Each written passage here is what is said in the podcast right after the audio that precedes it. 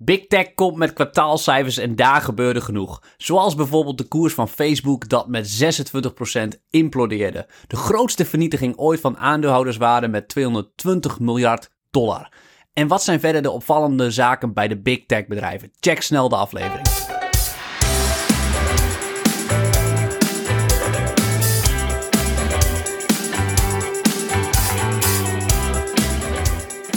Ja, leuk dat je luistert. Mijn naam is Barbara. En mijn naam is Rowan. Ja, Rowan, big tech cijfers op de valreep, want het is vrijdagochtend dat we dit opnemen. Dus deze podcast komt zo meteen gelijk online. Ehm, je hebt er nog lekker lang lopen doorstuderen op de laatste cijfers die uitkwamen. En we dachten, laten we jullie ook gelijk meenemen in de cijfers. Ja. Ehm, nou vind ik het leuk om even te openen met... Je zegt altijd, ja, je hoeft daar niet allemaal zo elke dag dat te volgen, want dat zijn allemaal kleine rimpelingen. Het gaat erom hoe een bedrijf het op de lange termijn doet. Waarom zitten we hier dan toch het over kwartaalcijfers te hebben? Ja, ja ik denk dat inderdaad beurskoersschommelingen en ook beurskoersschommelingen na kwartaalcijfers die heel heftig kunnen zijn, dat dat best wel vaak rimpelingen zijn. Ik heb nou nog nooit ervaren dat er heftige beurskoersschommelingen zijn na ja, je had, had er ook eentje hè? voor de luisteraars. eh, Snapchat, eh, vaste luisteraar, hebben we het eerder over gehad. Kwam, ging gisteren overdag met 23% omlaag, maar na beurs gisteravond kwamen ze met cijfers plus 59%. Ja, het is echt bizar, maar moeten we het ook even hebben dat toen de Q3-cijfers uitkwamen, ze met 40% omlaag kelderden. Ja, ja. Dus dit is niet mijn eerste wilde ritje met, eh met Snappy Snap. Ja, ja, en dalingen doen altijd veel meer pijn, want als je bijvoorbeeld 50% daalt, moet je weer 100% omhoog om weer gelijk te komen. Ja, dat vind ik wel. Ik zat ernaar te kijken.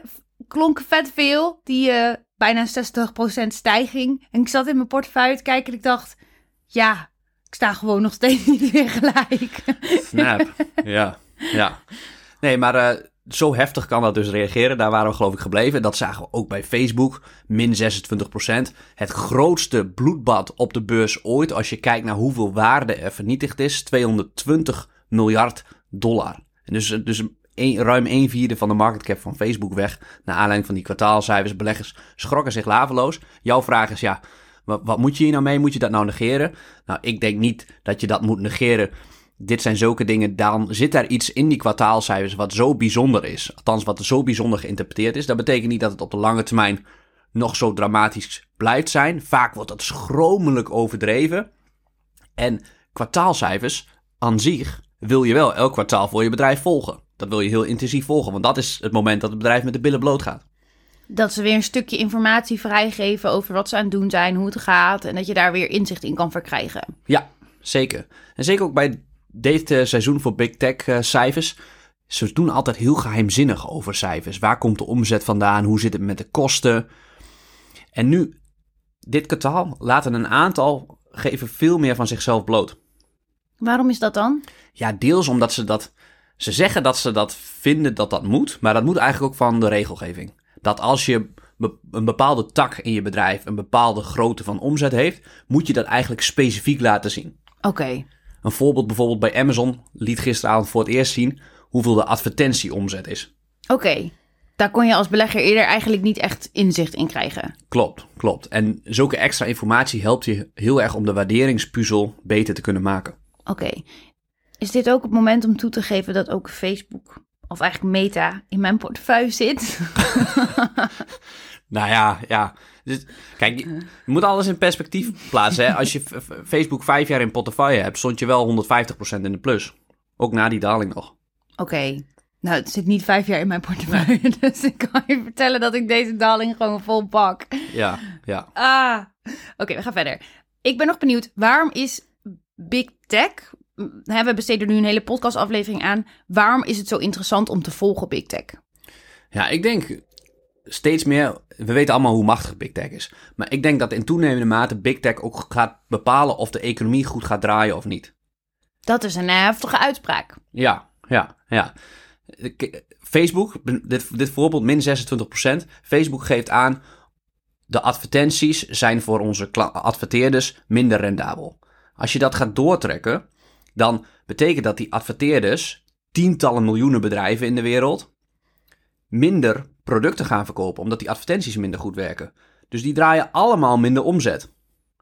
En die gaan daardoor, doordat ze minder omzet draaien, minder investeren, minder personeel aannemen. Dus dat heeft, heeft best wel een effect. Het zou ook nog kunnen zijn dat ze van het Facebook-platform aan het afgaan zijn. Dus dat het niet zozeer bij degene ligt die nog via Facebook adverteren, maar dat je, dat je een daling ziet in de advertenties die via Facebook gebeuren. Wat natuurlijk voor Facebook gewoon een rode, een rode vlag is als belegger. Ja, en bij Facebook is het echt een cocktail van slecht nieuws wat naar buiten kwam. Want ze gaven ook expliciet aan voor het eerst TikTok, de grote concurrent, waar jij het eigenlijk al, al Ja, jaren al over hebt. nou, jaren, nee, niet jaren. Nee, niet jaren. Zolang bestaat het waarschijnlijk. nee, maar jij hebt het er al heel lang over. TikTok, wat, het, wat het nieuwste platform. En ehm, Ik word nog steeds uitgelachen, wil ik even zeggen. In, om mij heen, in mijn omgeving, als ik zeg dat ik op TikTok zit, zegt iedereen nog steeds: dat is toch voor 13-jarige meisjes en dan zie je toch alleen maar mensen dansjes doen? Nee, nee, nee. Sorry, ik ben hier heel eh, gepassioneerd over. TikTok is echt de bom. ja, TikTok. Ik denk inderdaad ook dat dat het platform gaat worden. Omdat het gewoon, het is gewoon interesse eerst. En niet vrienden eerst. Zoals alle andere social media platformen zijn. En ik denk dat mensen liever iets zien wat ze leuk vinden, wat bij hun past, dan iets van hun vrienden.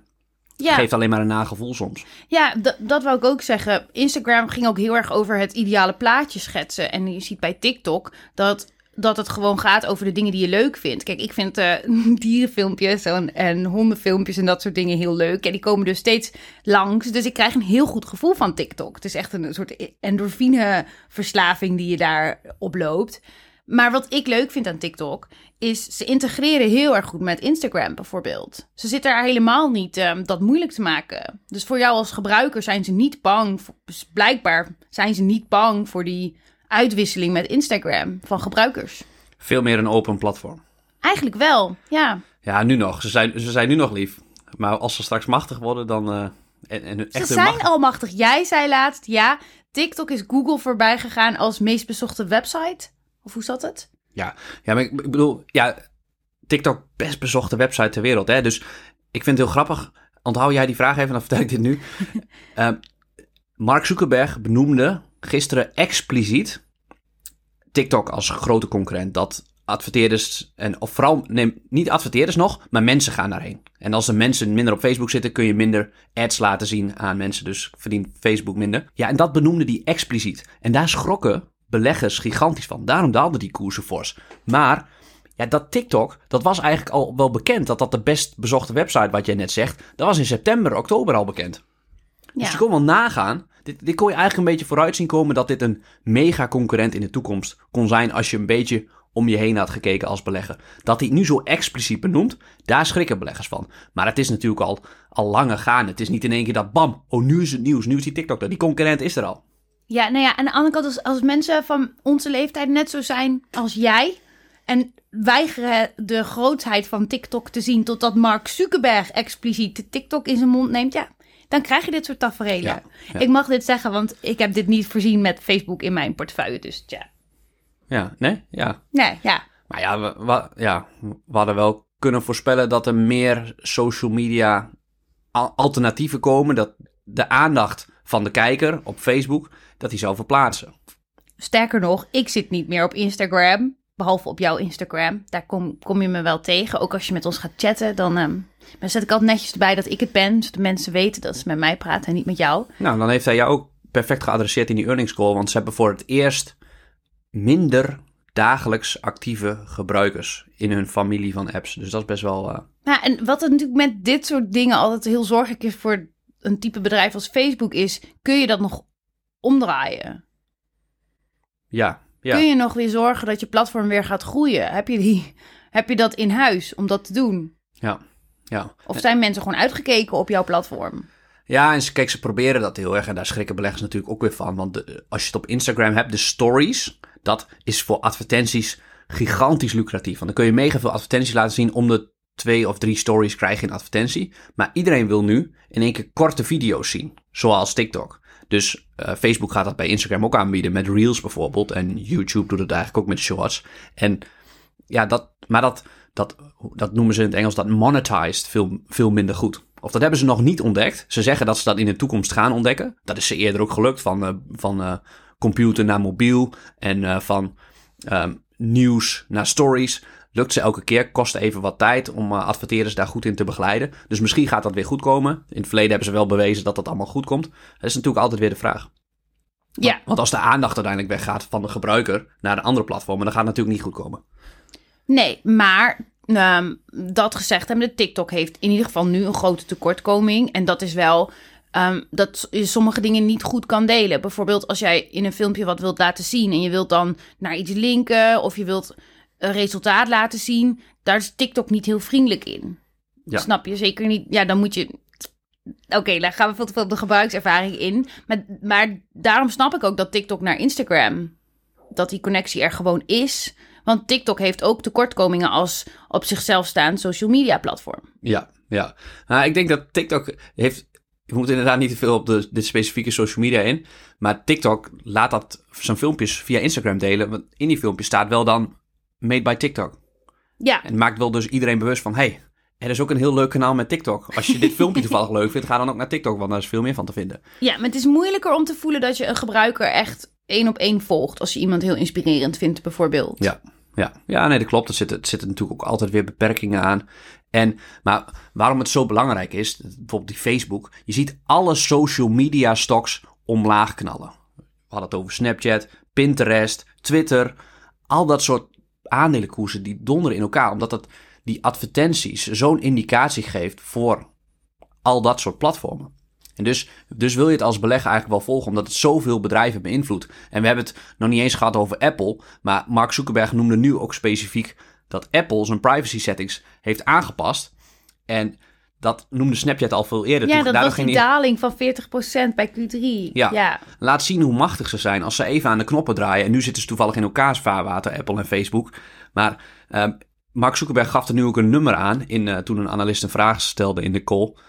Dat gaat ze 10 miljard aan omzet kosten, doordat Apple dus even aan die privacy settings draait. Dit aankomend jaar. Aankomend jaar, dus de pijn komt er ook nog aan. Kijk, als jij gewoon even zegt 10 miljard, dan, dan gaat dat een beetje langs mij heen. Dan is het gewoon een getal.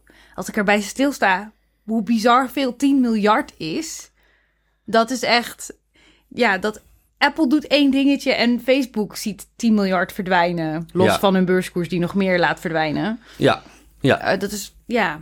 Dat Ja. is dus de macht van Big Tech. Ik denk dat daar, we daar, daar op dat spoor zaten we voor we hierop kwamen. Waarom is Big Tech zo belangrijk om te volgen? Is de conclusie dan eigenlijk omdat Big Tech inmiddels zoveel impact heeft op zoveel andere bedrijven en gewoon echt wel bepalend is. En één kleine actie of een actie die voor één bedrijf, zoals in dit geval Apple, misschien relatief onschuldig lijkt, ja, grote gevolgen voor ehm, in dit geval Facebook, maar ook weer voor iedereen die dan op Facebook Ja, adverteert en dat soort dingen. ja, ja, ja, ja. Ja, en het is ook mooi, ze, ze zitten allemaal ook elkaars vaarwater in te sturen. Apple zit dan eh, op, naar Facebook, die privacy settings. Apple wil zelf ook met advertenties. Amazon draait inmiddels bijna 10 miljard per kwartaal aan omzet in advertenties. Wat ze dus voor het eerst lieten zien en groeit daarin heel hard. Ehm, Microsoft en Alphabet willen natuurlijk wat Amazon had met de cloud-tak. Die willen daarheen. Microsoft doet het al heel goed. Al- Alphabet probeert dat een beetje. Ja, ze proberen elkaar op te zoeken, want ze opereren allemaal in gigantische eindmarkten. En ja, die kan je eigenlijk niet laten lopen. Dus je wil altijd een poging wagen bij een concurrent in het vaarwater te stappen. En dat gaan we de komende jaren veel meer zien. Ja, ja, want ik zat ook te denken als bijvoorbeeld een Google in één keer iets zou doen waardoor hun algoritme van advertenties verandert. Dat is ook zo'n actie die voor Google misschien een hele kleine algoritmeverandering zou kunnen zijn. En die dan in één keer voor bedrijven die bijna volledig afhankelijk zijn van Google advertenties om, om, om succesvol te zijn, zou dat mega impact kunnen hebben. Ja, volgens mij heb ik daar eh, net, net een podcast opgenomen over, over Booking. Met eh, de schrijver van het boek Booking de Machine. En ehm, ik stelde ook een vraag precies hierover van een paar jaar geleden. Toen paste dus Google zijn algoritme aan voor, eh, voor SEO. Hoe, hoe hoog je zichtbaar zijn. En Booking is daar iets minder van afhankelijk. Die betaalt gewoon voor advertenties. In Google kom je bovenaan. Maar TripAdvisor niet. Die werd organisch altijd gevonden. Maar toen lieten ze in één keer meer betaalde advertenties zien. En dus die organische niet meer. En die TripAdvisor beurskoers donderde alleen daarop 30, 40 procent in elkaar. Net als een concurrent van Booking Expedia, die daar ook meer afhankelijk van was. Dus dat, ze kunnen in één keer, als ze besluiten, je buitenspel te zetten als bedrijf. Ja, ja. Dus eh, mm, zeker iets om rekening mee te houden, die big tech. Ook als je in andere bedrijven zit. Dat zeg je ook altijd wel, maar volgens mij zeg je daarin: kijk naar de afhankelijkheid die het bedrijf waarin je wilt beleggen heeft met big tech. Volgens mij is jouw voorbeeld daar altijd in Zooplus. Ja, ja, ja. Online huisdiervoedingbedrijf. Ik dacht dat ze zelfstandig wel zouden kunnen concurreren tegen Amazon. Nou, dat is niet, ja, niet echt gelukt. Niet echt gelukt. Het is, het, is, het is gewoon taai. Je bent gewoon, uh, ze hebben zoveel vaste klanten met uh, Amazon, met een inmiddels 200 miljoen Prime-leden, die dus vrijwel het merendeel van hun aankopen doen op Amazon. Ja, volgens mij staat ook ergens op jouw checklist nu echt wel, wat is de, uh, de verhouding met Big Tech? Hoe ja. word je beïnvloed door Big Tech? Ja, het is, is mega belangrijk. En soms hoor ik mensen dan, of hoor ik mensen, soms vragen mensen me dan, ja, daar kunnen we nergens meer in beleggen. Big Tech gaat toch niet al die bedrijven wegvagen? Ja, dat klopt. Dat klopt, dat is niet zo. Maar je kan hem ook indirect bepalen. Want een hele goede raadgever bij je uh, als belegger is altijd, is technologie je vriend of je vijand als belegger? En bijna altijd is het je vijand. Neem bijvoorbeeld een voorbeeld, uh, Unilever en Nestlé. Zou denken, hoe kunnen die nou door Big Tech ge geraakt worden? Maar er zijn denk ik meerdere factoren uh, waardoor ze geraakt kunnen worden. Ik denk dat ze al geraakt worden doordat uh, mensen meer online zitten en merkloyaliteit veel minder wordt daardoor. En veel kleinere merken veel makkelijker mensen kunnen bereiken. Dat heb ik al eens eerder gezegd.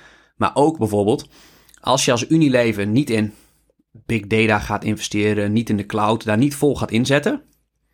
En Nestlé doet het wel ga je dat afleggen omdat je minder uh, speciale inzichten hebt in je klant. Maar als je het doet, als Nestlé doet, dan moet je dus als Unilever mee. Want je weet meer dan over je concurrenten. Alleen beide spelers gaan daardoor hun kosten waarschijnlijk verhogen. En het is niet zo dat ze per se meer erdoor gaan verkopen, want ze concurreren nog steeds met dezelfde consument. Alleen hun kostenbasis gaat waarschijnlijk omhoog als ze blij willen, bij willen blijven met de nieuwste technologieën die Amazon, Microsoft en zo aanbieden. Hoe kan je dat nou als Nestlé of Unilever doen? Overgaan naar big data? Ja, ja je, moet, je moet er denk ik in investeren. Er is geen keuze, want als je het niet doet, als je bijvoorbeeld daardoor weinig weet over je eindklant, ja, dan ga je er sowieso aan. Dus je moet mee investeren, maar die investeren zijn wel een vijand voor je als belegger, want het werkt vaak kostenverhogend. Ja, maar mijn vraag was hoe? Hoe kun je dat dan doen als Nestlé of Unilever? Want het is toch helemaal niet je business. Zij zijn in die zin geen. Ze voelen niet als digitale business. Nee, ja. Ik denk dat uh, de belangrijkste rol in een bedrijf is van, voor de CTO uh, tegenwoordig. De technology officer. Dat, dat, dat gaat de toekomst bepalen bij de meeste bedrijven. Oké, dus jij zegt er zijn manieren ook voor een Unilever en een Nestlé om om met big data aan de slag te gaan en speciale inzichten te krijgen in hun klant. Ja, en dat doen ze ook. Daar investeren ze fors in. Maar dat werkt op de lange termijn kostenverhogend. Je kunt wel zeggen, ja, technologie verlaagt misschien de kosten, maar op lange termijn zijn die diensten die een uh, eh, AWS of een Microsoft Azure aanbiedt ook best wel duur. En uh, je krijgt meer inzichten, maar dat werkt kostenverhogend. Ja, ik was vooral benieuwd of je wist hoe de hoe zat. Nee, ik weet dat niet. Oké. Ik, weet, ik weet niet hoe ze dat. Um, ik, ben, ik ben zelf geen uh, CTO of zo. Dus nee, maar je leest veel over dit soort dingen. Dus de kans dat jij ergens iets bent tegengekomen over dit is, is groot. Meestal weet je een antwoord. nee, nee. Ja, ik kan hier wel een heel interessant verhaal gaan houden over wat ik allemaal gelezen heb. Maar ik weet niet hoe ze dat precies doen. Wat ze wel doen, is natuurlijk de afgelopen jaren alles naar de cloud zetten. Ja, ja, maar, maar ja. dat is een, echt een containerbegrip. Maar net zeggen, dat is gewoon digitalisering aan zich, toch? Nou, misschien kunnen we iemand uitnodigen die een keer um, die hele cloud sector kan uittypen. Echt een ja. cloud sector expert. Ja. Dat lijkt me nou leuk. Want dat, dat is toch waar de wereld heen gaat. En ja, dat was bij Amazon ook zo indrukwekkend dat alle big tech bedrijven laten extreme groeivertragingen zien. Want veel zijn natuurlijk afhankelijk van online activiteiten. En dat, dat, die groeivertraging blijft zo. Maar Amazon met AWS, hun cloud die laten een groeiversnelling zien. En draaien nu 62 miljard omzet en gaan nu 40% groeien. Een versnelling op zo'n basis. En al die andere cloudspelers die online zijn, zoals een Snowflake, Cloudflare, CrowdStrike, heel populair. Maar die draaien omzetten van 1 miljard op jaarbasis of 2 miljard een keer. En die groeien dan misschien iets sneller dan 40%, maar van een totaal andere basis. Dat Amazon zit rond 62 miljard. Alleen de cloud dus, hè? Ja. Ja, het is, het is fenomenaal hoe dat gaat. Ja, en dat heeft gewoon ook weer zelfversterkende effecten. Als in Amazon is daardoor ook weer zichtbaarder, zoals dat ze bij de Formule 1 zitten. Ja, dan ziet wel de hele wereld AWS van Amazon in beeld als ze Formule 1 kijken. Ja, dat zijn toch dingen, daar, daar kan je als een, hoe noem je ze? Snow... Snowflake? Flake, een Cloudflare of Heel zoiets niet, eh, niet tegenop. Nee, nou, nou ja, Niet qua zichtbaarheid. Nee, nee. Nou, ze, CrowdStrike staat ook volgens mij op de Formule 1 auto van Mercedes. Dus eh, dat kost natuurlijk wat. En, En die zien we ook allemaal in beeld. ja, die hebben we wel eh, veel in beeld gezien, hè? ja. Vaak net tweede, toch, dit jaar? Ja. Afgelopen goed. jaar, hè? Ja, Ja, Gaat Hamilton dat trouwens door? We gaan verder. Oké. Dit is een beleggingspodcast. Oké. Oké, Rohan, ik heb nog een vraag. Ja. Namelijk, hoe kijk je dan nu naar... Je vertelde al dat Facebook heeft zo'n enorme daling laten zien. Hoe kijk je dan nu naar de waardering op basis van de kwartaalcijfers van bijvoorbeeld Facebook? Ja. De prijs is dus in ieder geval 26% lager. De vraag is, is de waardering ook door dit nieuws van die kwartaalcijfers ook zoveel lager? En dat is natuurlijk van zoveel factoren afhankelijk. Hoe hard gaat die omzet het komende jaar groeien? Ze verwachten voor het eerste kwartaal 3 à 11% omzetgroei. Dat is echt veel en veel trager, hè? Vergeleken met, eh, met, met de jaren geleden waar het altijd, altijd ruim boven de 20, misschien wel boven de 30% groei staat. Nu, wat, gaat het nu vertragen naar 3 tot 11% omzetgroei. Maar als je kijkt naar de koers-winstverhouding voor het aankomende jaar, is dat 18. 18. En de gemiddelde koers-winstverhouding van alle bedrijven ligt nu ook ongeveer rond de 18. En ja, is Facebook een bovengemiddeld bedrijf als je nog steeds je omzet met 3 à 11 procent kunt laten groeien? Ja, dan is dat waarschijnlijk wel goed. Puur alleen als je kijkt naar de verschuiving van advertenties van offline naar online, dat dat blijft doorgaan en dat Facebook daarvan mogelijk kan profiteren, want we weten het niet. De concurrentiedruk is ook wel eh, schokkend bijvoorbeeld. Ook dat de impressies in Amerika met 6% daalden, de advertenties die ze kunnen laten zien. Er zijn zoveel factoren. Bij Facebook is er nog iets grappigs, namelijk die koers-winstverhouding lijkt wel 18, maar ze lieten ook dit jaar voor het eerst zien dat alle investeringen die ze doen in augmented reality, virtual reality, big data, dat heeft ze een verlies opgeleverd afgelopen jaar van 10,2 miljard dollar. Dus dat gooien ze door het putje. En als je dat eruit zou filteren, kom je tot een zogenaamde kernkoers-winstverhouding van 13. Ja, dat is, dat is heel laag. Dan eh, ga je naar de allerslechtste bedrijven. Ik denk niet dat Facebook een allerslechtste bedrijf is. Dit lijkt vanuit mijn oogpunt nu heel goedkoop. Maar de vraag is natuurlijk, er zijn altijd keerzijdes bij beleggen.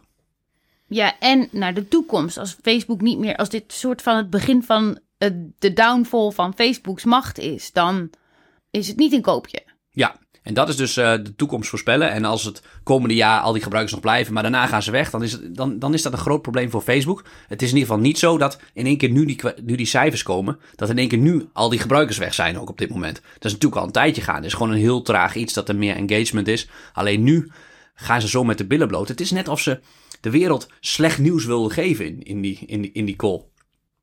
Waarom zeg je dat? Ja, heel erg aan het begin van, ja, we benoemen TikTok als concurrent. Het is heel ongebruikelijk dat je concurrenten in earnings calls benoemt waar je last van hebt. Normaal zeg je dan, ja, competitive pressure. Dan hou je het, het een beetje zo. En ook heel erg die Apple iOS eh, veranderingen heel concreet maken. Het is, het is net of ze echt de, de vuile was buiten wouden zetten. En een soort van, ja, op de beurs heet dat een diep nemen. Dat deden ze ook al in 2018 trouwens. Uh, toen de beurskoers ook in één keer met 18% daalde. Toen ze zeiden, ja, we gaan, de kosten gaan flink verhoogd worden. Omdat we gaan investeren in veiligheid en dergelijke. Vinden beleggers niet leuk op korte termijn. Leek ook een beetje zo'n ding. En vaak zijn zulke dalingen, die worden weer ingehaald als je de historie bekijkt. Maar dat hoeft natuurlijk niet altijd. Als gebruikers weggaan, hebben ze wel gewoon echt een probleem. Uh, ja, je klinkt heel enthousiast over uh, Facebook. Ja, qua waardering vind ik het nu heel aantrekkelijk. Maar voordat mensen het ook dan nu uh, Facebook gaan kopen, want dat, dat hebben we wel eens vaak ervaren. Dit is alles behalve advies. Er zijn hele grote risico's dat ook Facebook een hele slechte belegging gaat zijn. Uh, ja, en dan even voor de duidelijkheid. Het zit niet in jouw portefeuille. Klopt. En als je echt wil weten waar jij in gelooft, als je daar als leidraad wil, dan zul je toch echt in jouw portefeuille moeten kijken. Ja. Want daar, dat is de enige duidelijke statement over waar jij in gelooft. Ja, Als het in ja. jouw portefeuille zit. En ook dat gaat wel eens mis. Uh, ja, Dus uh, dat is ook beleggen. Ja. Dat is de schoonheid. En als je dan een fout maakt, dan probeer je daar weer van te leren. Nu hebben we het gehad over Facebook met zijn grote verlies. Volgens mij zette je Amazon er een beetje tegenover. Ja, nou ja, als je, ik, ik, ik deed de koerswinsten of koersverliezen na beurs even, want Amazon is natuurlijk nog niet live, maar na beurs lijkt die 15% hoger te gaan openen. En Facebook is dus de laagste, dus, en die anderen zitten daar een beetje tussenin. Apple uh, wel goed, Alphabet ook goed, Microsoft um, slecht. Maar ja, dat, dat zijn die reacties van de beurs, van beleggers op korte termijn heel hevig. Um, dat zegt nog niks over wat ik denk bijvoorbeeld over de echte kwartaalcijfers. Wat bedoel je daarmee? Kun je dat meer uitleggen? Nou ja, wat, wat, wat ik probeer te doen, en het lukt me niet altijd, maar wat je als liefste wil doen, is hoe je wilt omgaan met die kwartaalcijfers. De meeste beleggers gaan als eerste kijken naar wat doet de koers na beurs. Gaat die omhoog? Supermooi. Gaat die omlaag? Kloten. Maar wat je als beste kan doen om beleggen echt te leren, is gewoon naar de website van het bedrijf gaan. Die documenten bestuderen over die kwartaalcijfers. Staat helemaal vol, kun je helemaal losgaan. En dan je eigen mening vormen. Is dit nou goed? Is dit wat ik zelf had verwacht? Of, of valt dit wat tegen? En door, dan leer je echt onafhankelijk denken. Als je nog niet beïnvloed bent door de mening van andere beleggers die iets zeggen over wat er in die kwartaalcijfers staan en je daardoor al een kleurtje meegeven. Ja, ja, want weet je wat het is? Als Facebook 26% daalt en je hebt dat gezien, dan ga je dat bericht lezen met dat in je achterhoofd. Dan denk je, zie je elke opmerking van Mark Zuckerberg, die trouwens ook een slechte dag heeft gehad, 32 miljard kwijt aan het persoonlijk vermogen. Maar ik denk niet dat Facebook-beleggers daar, uh, daarom rouwen. Maar ja, dan ga je dat ook zo psychologisch zwaar meewegen. Dan zei je, oh ja, dat is slecht nieuws, dat is slecht nieuws, dat is slecht nieuws. En bij Amazon net andersom, als dat positief is, dan ga je dat allemaal heel positief interpreteren. Terwijl, ja, de waarheid ligt vaak ergens in het midden. Het is niet allemaal zo negatief of allemaal zo positief. Ik zag jou iets heel interessants doen bij het bestuderen van de metacijfers. Je had namelijk een uh, bepaald woord gehighlight in, de, in het doorlezen van, volgens mij was het de earnings call die je zat te lezen? Ja, ja, die earnings call. En ja, geniaal. Ze gebruiken gewoon 14 keer het woord, woord metaversum. De vorige keer hadden ze het daar al over, daarom ook de naam meta. Bizar, want die beurskoers is dus dan al bekend dat die dan na beurs zo ver gaat dalen. En ik denk dat heel veel beleggers zitten te kijken naar van... gaat Mark Zuckerberg nog iets zeggen over die gedaalde beurskoers? Niks. Niks. En dat vind ik super mooi. Dat vind ik super mooi, want je wilt daar ook iemand die daar stoïcijns op reageert... en die niet vanuit paniekvoetbal in één keer gaat zeggen... ja, het wordt nu heel slecht geïnterpreteerd door beleggers, maar de toekomst gaat toch heel mooi zijn. Ja, je wil gewoon iemand die met zijn bedrijf bezig is. En die beurskoers is niet relevant, dus dat, dat is wel mooi wat je wilt zien. Ik wil nog wel even terug naar dat daarvoor. Hoe, waarom typ jij in Ctrl-F metaversum? Of ja, met metaverse in het Engels natuurlijk. Ja, ja, dat is gewoon nieuwsgierigheid. Ik ben, ben gewoon benieuwd in hoeverre ze die hype nog uh, kunnen pushen en hoe, hoe ver ze dat serieus nemen. En als je ziet qua investeringen dat ze daar het afgelopen jaar 10 miljard in hebben gestopt, echt verlies, ja, dan zijn ze daar heel serieus mee.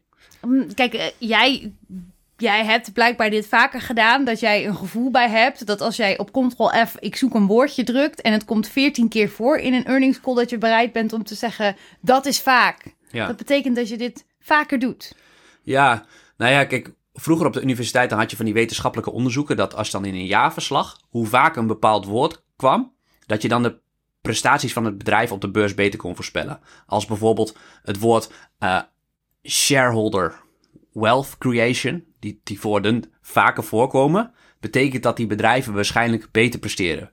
Puur de gedachte, de theorie erachter is dat die meer op aandeelhouders gericht zijn. En zo zijn er nog een paar woorden als dat ze vaak vrije kaststroom als woord gebruiken in, uh, in earnings calls. Dat soort bedrijven presteren gemiddeld beter. Ik weet, ik, weet, ik weet het niet precies meer hoe dat precies zat.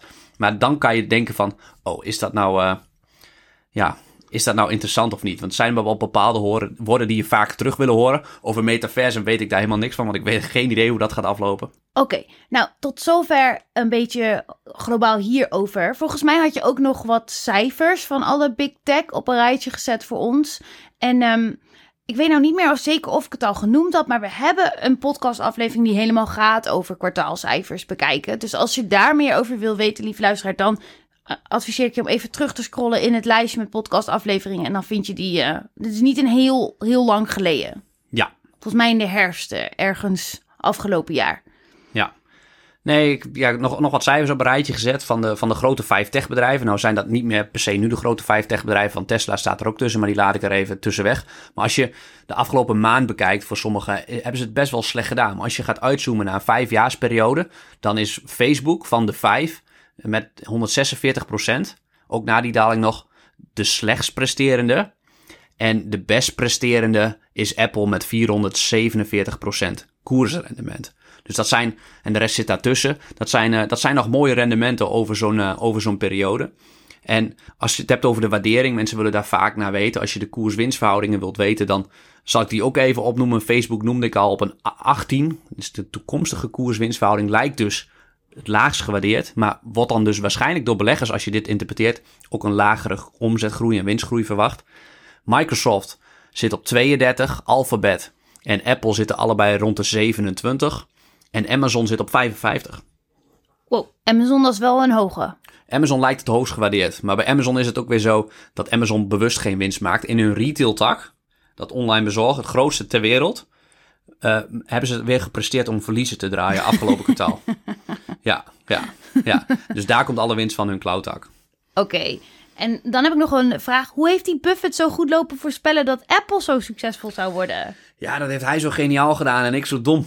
Want ik heb ze ook gehad een paar jaar geleden. Ik denk, ik denk zo'n beetje vijf jaar geleden. En ik had ze alleen maar hoeven vasthouden. Maar ik was zo dom om na een ritje van 30% uh, te gaan cashen en weg te lopen. En hij was zo, zo'n held dat hij ook gedurende die stijging bleef bijkopen. Is dat misschien wel je grootste moeilijkheid? Om voor die lange termijn echt te blijven zitten, zitten, zitten, zitten? Ja, ja. Ik heb hier vaak over gehoord dit, namelijk. Dit, dit, dit is de, de, les die uh, heel lang heeft geduurd bij mij om uh, te blijven plakken. Dus ik wil ook jou vragen, en ook de podcastluisteraar, of, of de portefeuille volgen als ik weer zo'n transactie doe om naar een ritje. Spreek mij erop aan. Oké. Okay. Ik spreek je er zeker wel op aan. Maar ik wou die Buffett toch ook even credits geven. Ja, ja. Ja, dat is, dat is zijn klasse. En ook dat hij gewoon... Uh, want ik heb een filmpje gemaakt over Buffett Spotify op YouTube. En Apple heeft daar veruit zijn grote, grootste weging in zijn portefeuille. Ik weet niet hoeveel precies inmiddels is, maar 45% ongeveer van al zijn portefeuille. dus ja, dus best wel veel concentratie daarin. Maar dat komt ook puur door die koersstijging. En dat hij dus, hij heeft wel wat verkocht een keer, maar uh, het merendeel gewoon heeft vastgehouden. En dat heeft hij, die, die draai naar technologie, heeft hij eigenlijk, wat hem heel erg werd afgerekend, dat hij altijd maar in oude bedrijven, heeft hij eigenlijk in één keer goed gemaakt door zo'n monsterbelegging. Oké. Okay. Uh, is er nog meer wat er nu uh, nog niet te sprake is gekomen? Nou, we hebben ook nog een leuk YouTube-filmpje op uh, over Alphabet, over de aandelensplitsing en of dat extra rendement oplevert. Want ze gaan hun aandelen splitsen. Daardoor één aandeel kost een beetje 3000 dollar. 20 voor 1 gaan ze doen. Dus straks gaat een aandeel ongeveer 150 dollar kosten. En als je nu een aandeel hebt, heb je er straks 20. Oké, okay, dus als je daar meer over wil weten, dan uh, uh, YouTube. En dan zullen we even een linkje in de show notities zetten. Um, die, die 10 Q's die komen nog van die kwartaalcijfers. Ja, dat zijn de, de officiële documenten van de SEC. En die, uh, die zijn er voor een aantal wel, maar nog niet voor een Amazon bijvoorbeeld, die gisteravond eigenlijk pas met cijfers kwam. En dat is dus, daar staat echt nog heel veel extra informatie in. Dat is eigenlijk een soort mini-jaarverslag van 50 pagina's. Neem je die ook altijd door en kijk je er naar uit dat die komt? Uh, ja. Ja, beide. Ja. Ja, beide. Ja, ja, ja, ik vind dat wel leuk. Vooral voor de bedrijven die in portefeuille. Kijk, ik volg natuurlijk heel veel bedrijven. Je kan natuurlijk niet alle 10 Q's voor alle bedrijven gaan doorlezen. Maar soms wil je dan voor een bedrijf bijvoorbeeld die je volgt. niet elk kwartaal dat doen. Maar gewoon één keer in het jaar een jaarverslag. Om de, om de grote lijnen te bewaken. Oké. Okay. Nou, ik heb geen vragen meer. Dankjewel voor het luisteren en voor de vragen. Dit is aan mij gericht. Ja. ik dacht aan de luisteraar. Nee, ja. ja, ik zit hier met jou, maar aan allebei. Ja, oké. Okay. Allebei bedankt. Bedankt lieve luisteraar en tot de volgende keer. Tot de volgende keer.